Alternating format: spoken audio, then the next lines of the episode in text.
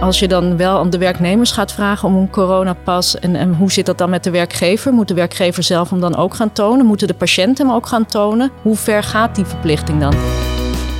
Je luistert naar Mondzaken, de podcast van Dental Tribune Nederland. In deze podcast praten we je bij over de meest actuele en spraakmakende ontwikkelingen binnen de mondzorg. De presentatie is in handen van Reinier van der Vrie, hoofdredacteur van Dental Tribune Nederland. Het aantal coronabesmettingen neemt deze herfst weer toe. Hierdoor leidt ook de discussie op over de vaccinatieplicht en het tonen van de coronapas op de werkvloer. Mag een werkgever eisen om vaccinatiegegevens te delen met ernstig zieke patiënten? Er moet een vaccinatieplicht voor mondzorgverleners komen.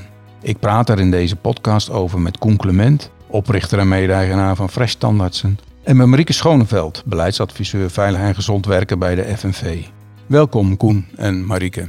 Dankjewel. Dankjewel.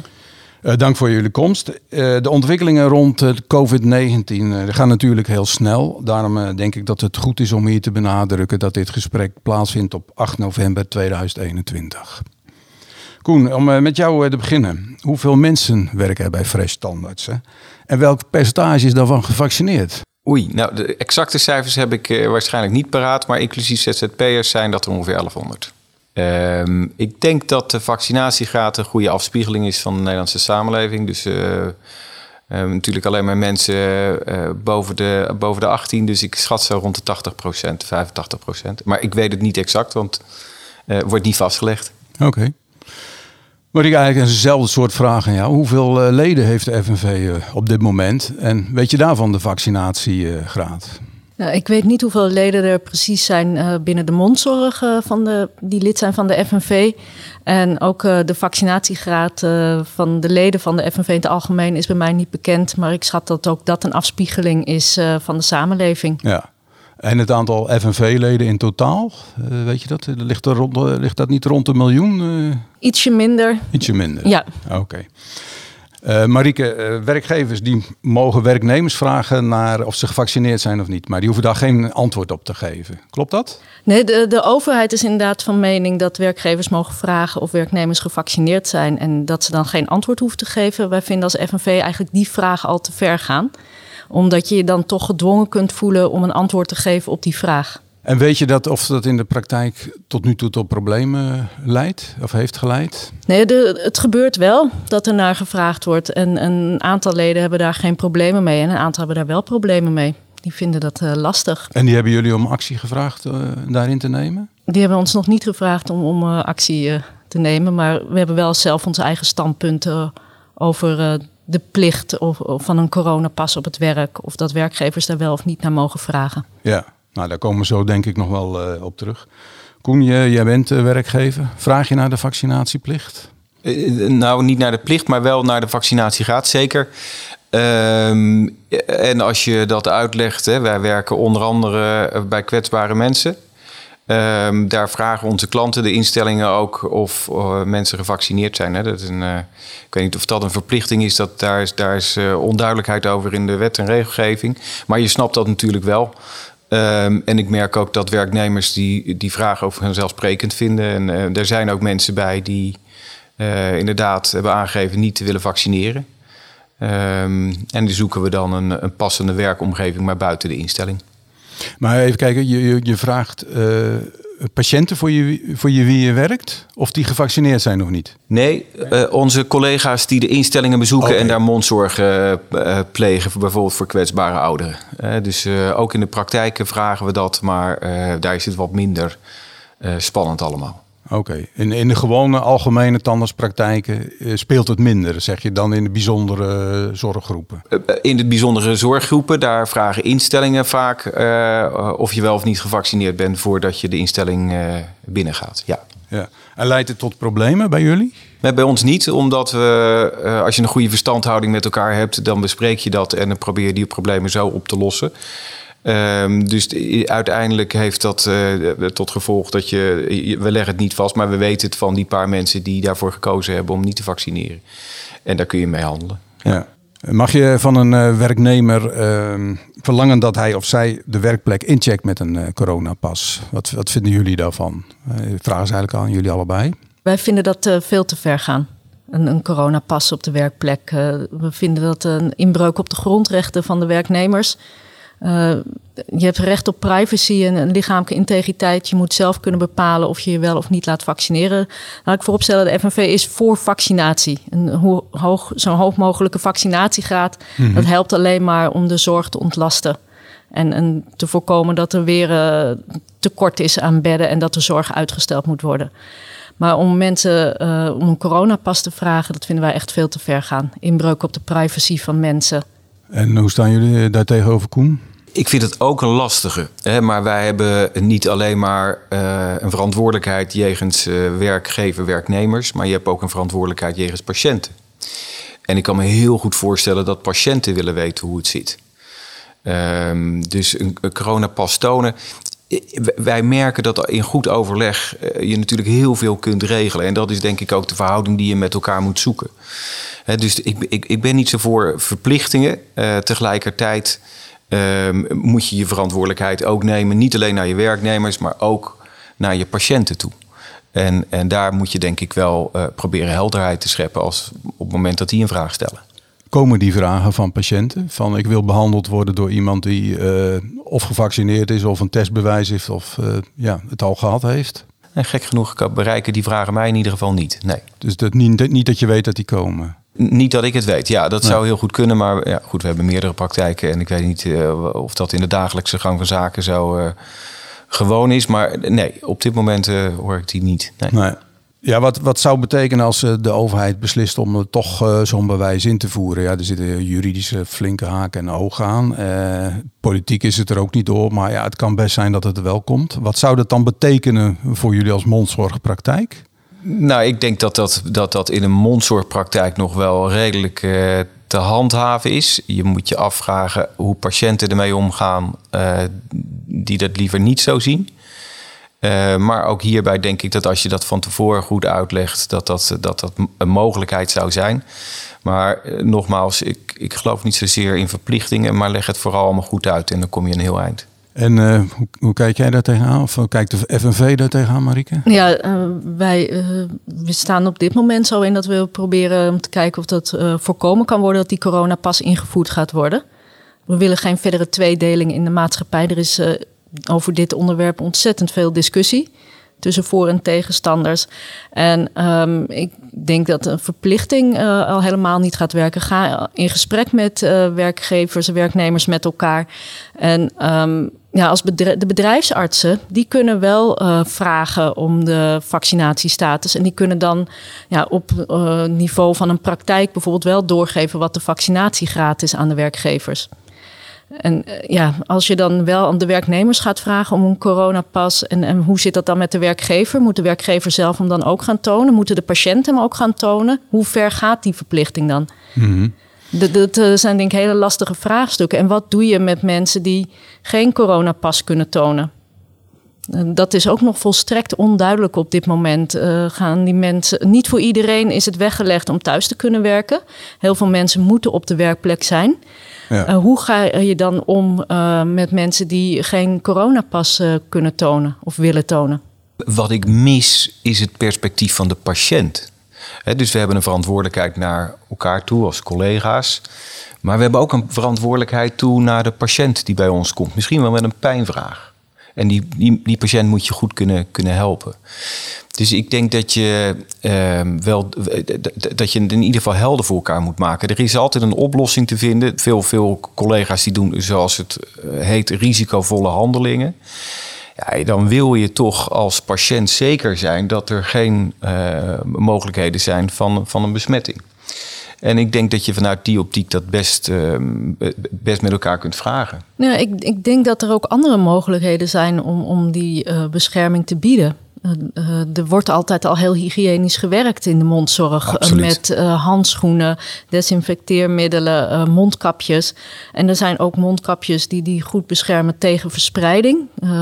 Ehm, als je die gebruikt, denk ik dat het uh, voor de patiënten of cliënten al een uh, heel veilig is. En ook andersom uh, wordt ook aan de cliënten gevraagd om de mond eerst te spoelen met desinfecterend middel, zodat er geen bacteriën en virussen zijn. Zodat ook de werknemers, de kans op besmetting voor de werknemers, denk ik, toch ja, geminimaliseerd is. Je hebt helemaal gelijk. Dus in een tandartspraktijk wordt ongelooflijk veel gedaan om, uh, om, een, uh, om dat te voorkomen. Dus daar, uh, daar is de patiënt natuurlijk al redelijk, redelijk veilig. Tegelijkertijd kan ik me best voorstellen dat een patiënt die vraag toch stelt, omdat hij dat nou, ziet als een, als een extra veiligheidsmaatregel. Maar uh, zijn naar jouw idee de beschermingsmaatregelen in een tandartspraktijk of mondzorgpraktijk, zijn die voldoende? Uh, dat ze voldoende beschermen ook tegen uh, coronabesmetting? De, vooralsnog blijkt dat dat het, geval is. Ehm, dus ja, daar zijn, daar zijn heel veel maatregelen genomen en, en, en, waren er sowieso al natuurlijk om alle vormen van besmettingen tegen te gaan. Ehm, tegelijkertijd dat je met elkaar streeft naar een zo veilig mogelijke werkomgeving ja, ik kan me dat uh, nog steeds heel goed voorstellen. Ja, ik vraag me af of dit gaat helpen om de besmettingscijfers heel erg terug te dringen ook. Want uh, ook de, de, coronapas is niet waterdicht. Hij gaat niet uh, op rood op het moment dat je toch positief getest bent als gevaccineerde. Hij blijft, het groene vinkje blijft. Dus als je geen klachten hebt, kun je nog steeds naar het werk gaan. En ook een test is een momentopname. Mm -hmm. En bij wijze van spreken, een uur later kun je toch al positief testen. Dus uh, in hoeverre uh, uh, ga je dan de veiligheid hier heel erg mee vergroten? Wat zijn de alternatieven? Of zijn er alternatieven op, de werkvloer, in een werksituatie? Hè? Als het geen coronabewijs is, of een coronapas of een vaccinatieplicht. Zijn, zijn er andere mogelijkheden? Ja, die beschermende middelen hebben we het over. Ja. Maar zijn er nog meer mogelijkheden? Ja, kijk, anderhalve meter afstand houden, dat is niet mogelijk als je mondzorg verleent. Dat, dat is voor iedereen wel duidelijk. Maar thuisblijven met klachten, dat, dat uh, kun je wel heel duidelijk met je werknemers communiceren. Van alsjeblieft, blijf thuis met klachten, laat je testen. Um, nou, je kunt bij de balies kun je wel zorgen voor uh, spatschermen tussen de baliemedewerker en de patiënt. Je kan zorgen dat er niet te veel um, cliënten tegelijkertijd in de wachtkamer zitten. Je kunt een corona-check doen of een gezondheidscheck doen uh, bij de cliënten voordat ze komen. En uh, nou ja, met de maatregelen die al genomen zijn uh, van spoelen, desinfecteren en mondkapjes, denk ik dat je al heel veel doet om een veilige werkplek te creëren. Zowel voor de werknemers als voor degenen die er komen voor de mondzorg.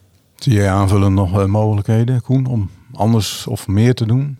Nou, het is sowieso interessant hè, wat, een, wat een verplichting nu precies is. Als ik kijk uh, naar andere verplichtingen die we hebben in de mondzorgpraktijk, dan gaat dat bijvoorbeeld, uh, en, dan, en dan gaat het vanuit het perspectief van bescherming van je werknemer. Hè, dat we een, uh, een hepatitis B-vaccinatieplicht hebben. Alhoewel daar volgens de inspectie die wil daarop handhaven ook. En die, die, die, die is daar actueel fel op. Um, ja, dan kan ik me voorstellen dat als je, als je die plicht al hebt, dat je dan ook een andere plicht zou kunnen invoeren. Tegelijkertijd um, denk ik dat een, een, plicht werkt overal slecht. Leg het mensen vooral uit. En ik denk ook dat je, uh, dat je, dat je een, een, een, tijdsperspectief daarin moet zien. Ja, maar even nog over die vaccinatieplicht bij uh, hepatitis B. Want dat was ook een vraag die ik uh, je had willen stellen. hoe wordt die nageleefd bij jullie in de praktijken? Nou, omdat de, de, de inspectie heeft aangegeven daar ook fel op te handhaven. Hè. Vorig jaar hebben, hebben ze daar een serieus werk van gemaakt. Um, is dat voor ons ook een belangrijk punt. Hè? Dus wij, wij checken of de titelbepalingen van alle mensen die bij ons werken op orde zijn. Dus iedereen um, die in die functie werkt, een handelfunctie, moet uh, daarvoor ingeënt zijn? Ja. En dat checken jullie zelf ook? Ja. Wat is dan het verschil met een uh, uh, plicht als het rond corona gaat? Nou, goede vraag. Zit daar een principieel verschil in? Nou, dat kun je je afvragen. ik had het net over, over een tweedeling in de maatschappij. Ja, die, die, die duwen we zelf natuurlijk ook een beetje voort zo. Hè, die tweedeling, als we daar maar heel hard over blijven roepen.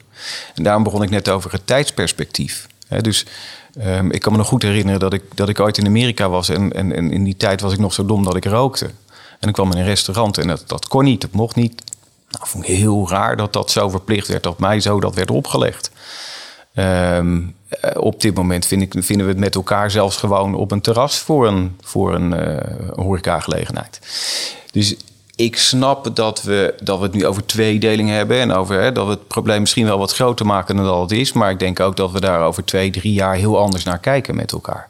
En dat we dat veel, veel rustiger inschatten.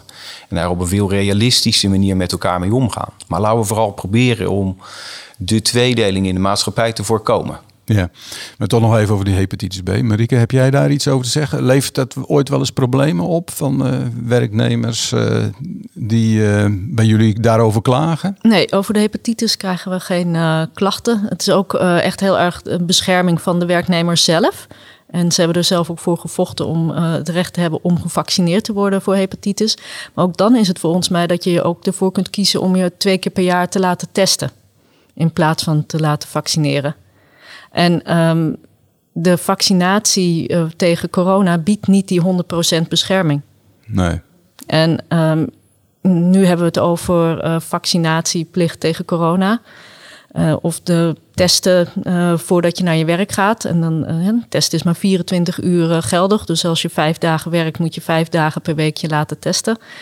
Um, wij zijn bang dat als dit wordt toegestaan, dat je dan op een glijdende schaal komt. Wat is dan het volgende? Gaan uh, werkgevers dan ook weer vragen of je ooit depressief bent geweest? Um, er zijn ook al werkgevers die zouden graag alcohol- en drugstesten willen eh, doen bij de werknemers.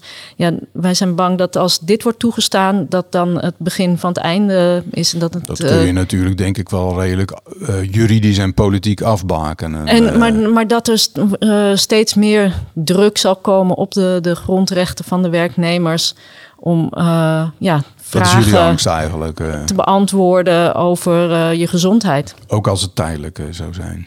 Ook als het tijdelijk zou zijn, ja. ja. Ook omdat dit geen 100% zekerheid biedt. Ja, ik kom nog even terug naar een, een vorig punt. Uh, je, of Marieke zei ook, uh, thuis blijven bij, uh, bij klachten of als je iets hebt. Hoe speelt dat bij jullie? heb je veel meer ziekteverzuim gerelateerd aan corona of problemen daar rond? Want dat levert natuurlijk gelijk problemen op, op als mensen thuis blijven en ja, ze moeten vervangen worden. Ja, natuurlijk. Natuurlijk is het zo. En daarbij hoop je ook door met elkaar in gesprek te gaan en elkaar te informeren over welke consequenties dat dat heeft, dat mensen twee keer nadenken over uh, wanneer je dat argument gebruikt. Het is, het is voor werknemers zo en we zien eh, dat dat helaas ook voor patiënten ook nog wel zo geldt. Hè. Dus er wordt uh, sneller en makkelijker afgebeld bijvoorbeeld. Um, ja, en dat heeft natuurlijk uh, gevolgen voor het aanbod in de mondzorg, maar het heeft ook economische gevolgen. Dat is, dat is helder. Um, dus je hoopt daar dat, hè, ik, ik, denk niet dat we dingen moeten afdwingen, dat we dingen moeten opleggen. Maar je hoopt door mensen wel te informeren, door te laten zien wat de consequenties te zijn, dat mensen daar nog twee keer over nadenken. Maar voer je die gesprekken met, uh, met je werknemers? Nou, we hebben een gesprek gevoerd van werknemers die uh, onbeschermd naar, samen naar een feestje gingen. Wat dat betekent als er twee werknemers uh, uit een praktijk uh, niet meer beschikbaar zijn. Hè, dan, ligt zo'n hele praktijk stil. Dat heeft natuurlijk een enorme impact, zowel op zorgaanbod als, als ook op, op de economische gevolgen ervan. Dus je hoopt dat mensen wel daarover na willen denken. Dat maar ze beseffen je, wat voor gevolgen dat dat kan hebben. Ja, maar dan ga je praten over wat mensen in hun privé-situatie doen. In deze bijzondere omstandigheden hoop ik dat mensen daarover nadenken, ja. Ja, maar goed, dan ga je dat gesprek aan met, met, je, met je werknemers. Eh, ik weet niet hoe eh, jij vanuit de FNV daarover... Ja, kijk, het gesprek aangaan met je werknemers en, en, proberen gewoon met elkaar in gesprek te blijven, dat is altijd goed. Dat is beter dan uh, dat je voor de rechtbanken het met elkaar gaat uitvechten. Dus ik ben er groot voorstander van om met elkaar in gesprek te gaan. Ook over de voordelen van vaccineren en uh, goh informeren wat het uh, doet, het vaccin, wat wel en niet. Maar uh, wij krijgen wel ook signalen dat wanneer um, werknemers verplicht worden om de coronapas te laten zien in bepaalde sectoren, dat ze dan uh, zeggen van dan ik wil niet meer in deze sector werken. En dat ze dan die sector gaan verlaten. En uh, dat is, horen we ook uh, van werknemers uit de zorg en werkgevers ook. Um, dat die bang zijn dat het nog moeilijker wordt om uh, personeel aan te trekken. En dat de werkdruk voor de mensen die er wel blijven werken alleen maar nog hoger wordt. Ja, dus een coronabewijs dat, dat legt ook een extra druk op om de boel draaiende te houden in sommige sectoren. Het zal denk ik uh, ertoe leiden dat er mensen de sector gaan verlaten. En dat het misschien ook moeilijker wordt om nieuw personeel te vinden voor de sector. Ja. We hebben uh, via sociale media gevraagd ook uh, om nou ja, luisteraarsvragen in te dienen. iemand die vraagt of een werkgever vaccinatiegegevens mag delen aan ernstig zieke patiënten. Wat is jullie reactie erop? Hè? Ik kan me voorstellen, iemand is ernstig ziek, moet toch medisch behandeld worden of tandheelkundige behandeling. En dan? Je, je, zou willen dat je ja zou kunnen zeggen, maar ik denk niet dat daar voldoende draagvlak voor is. Dus dat is ook niet verstandig. Gaat nou niet, niet afdwingen met elkaar. En toch zou je dat willen. want je kunt je dat best voorstellen. Dat je als patiënt, als je al heel kwetsbaar bent en je voelt je, dat je daar ook die laatste zekerheid wil hebben. Maar dat is toch eigenlijk heel makkelijk op te lossen door die vraag in een praktijk neer te leggen en te vragen van, nou wie voelt zich geroepen om deze patiënt te behandelen en kan aan deze eisen voldoen? Precies. En dat, dat werkt dan ook zo in de praktijk, denk ik. Ja. Wil jij hier nog iets op uh, toevoegen? Ja, dat, dat uh, de patiënten uh, de medische gegevens te weten komen van degene die ze behandelt, vind ik heel erg ver gaan. En ik denk dat je zo ver niet moet gaan. En andersom denk ik dat er ook werknemers misschien dan wel uh, zouden willen weten wat uh, de uh, patiënt mankeert. En iedereen heeft ook recht op mondzorg, of die wel of niet besmet is met corona. Terwijl de werknemer misschien ook kwetsbare mensen thuis heeft. Ik denk dat je gewoon zover niet moet gaan. Je moet maximaal proberen te beschermen. En, maar vooral niet de medische gegevens delen en kijken ja, naar de privacy ver, van maar als die vraag komt, dat is op zich een logische vraag toch? En als iemand daar antwoord op wil geven, dan zou dat op zich toch niet zo'n probleem zijn? In hoeverre voel je je verplicht om antwoord te geven? En voel je je gedwongen om antwoord te geven? Ja, ik denk er dat zijn het... altijd toch uh, machtsverhoudingen. Uh, zeker in de werkgever-werknemer-relatie mm -hmm. zijn er uh, machtsverhoudingen. En het is geen keuze of je wel of niet uh, gaat werken. Kijk, het is wel een keuze of je wel of niet naar het café gaat. Dat bepaal je zelf. Maar je moet werken om, om, voor je inkomen. In, in de praktijk werkt dat natuurlijk toch prima zo. En uh, in theorie zijn die machtsverhoudingen er en, en die zullen best wel schrijven. Maar op het moment dat je in een prettige werkomgeving bent, ik denk dat dat de eerste uh, vereiste is om ook je langdurig aan een werkgever te verbinden. Uh, da, dan, dan is die sfeer zodanig dat je dat natuurlijk prima kunt doen met elkaar. Uh, daar, daar zie ik echt geen bezwaren. Als dat, als dat al niet lukt, hè, als daar al te veel obstakels voor zijn, nou, dan moet je je afvragen of je dan überhaupt wel bij elkaar past. Er zitten wat nuanceverschillen uh, tussen jullie daarin. Dat denk ik, ja. ja. ja. De praktijk. En, Wel of niet vaccineren, is dat de volledige vrijheid van een werknemer? Ja, ja. dat is volledige vrijheid van een werknemer. We willen in Nederland geen vaccinatiedrang, geen vaccinatieplicht. Ik denk dat het niet erg is als, we, als iedereen wel voelt dat, we, uh, dat vaccinatie echt helpt. Uh, maar, maar plicht is naar mijn optiek niet goed. Ja, nou kan het zomaar zijn. Uh, misschien al als deze podcast openbaar wordt dat er bijna al een, van de overheid uit een vaccinatieplicht komt of voor de werkplek. Hoe zouden jullie dan, daar dan op reageren? De verplichting van een coronapas op het werk, die zal er niet vandaag of morgen ingevoerd kunnen worden. Want er moet een wetsvoorstel komen, dat moet langs de Tweede Kamer, dat moet langs de Eerste Kamer. Uh, het college van de mensen van de rechten moeten naar kijken, de autoriteit persoonsgegevens. Dus er gaan echt nog wel een aantal weken overheen voordat dat uh, in werking kan treden als het al door de Kamer heen komt. Maar uh, wij zullen alles in het werk stellen om te voorkomen dat dat zover komt. En wat is alles in het werk stellen? Nou, desnoods uh, naar de rechter gaan. Ook actie, stakingen, dat soort dingen? Of is dat, uh, voert dat te ver? Nou, dat hebben we op dit moment nog niet uh, bepaald wat we precies gaan doen. Maar daar hebben we het wel over met elkaar. Ja, dan komt de FNV, mag je een reactie verwachten om dat besluit, mogelijk besluit te beïnvloeden. Ja. En Koen, hoe zou je er tegenaan kijken als dat zou gebeuren? Hoe gaan jullie daarop reageren, op een vaccinatieplicht? Ja, ik heb al meerdere keer aangegeven dat ik niet zo van het verplichten ben. Nee, dus ik vind dat nooit een, een echt goed idee. Uh, tegelijkertijd ehm, zien we dat die vaccinatie wel echt zoden aan de dijk zet en, en ons verder helpt als maatschappij. Um, zonder dat ik op enig ander gebied de expert daarin uh, wil, wil, wil, wil zijn, um, uh, geloof ik dat de groepen die zich op dit moment nog niet laten vaccineren en dan de omvang van die groepen, ja, dat we veel beter ons dan daarop kunnen richten om te kijken of we met informatie die toch niet zo ver kunnen krijgen eh, dan met een plicht waarin wij als werkgever gevraagd worden om die te gaan handhaven. Want dat dat, dat ja, dan polariseert dat misschien alleen. En ik denk dat je met het gesprek een stuk verder komt. Dat ben ik helemaal met je eens. Er is volgens mij inmiddels behoorlijk bekend uh, bij welke groepen de vaccinatiegraad achterblijft. Ga in gesprek met die groepen uh, in, in hun taal uh, die bij hen aansluit. En probeer mensen te overtuigen van het nut van vaccinatie. Maar met een, een plicht denk ik niet dat je er komt en dat het inderdaad alleen maar voor meer tweedeling gaat zorgen. Maar het zou stiekem ook niet een beetje handig zijn als zo'n plicht er is.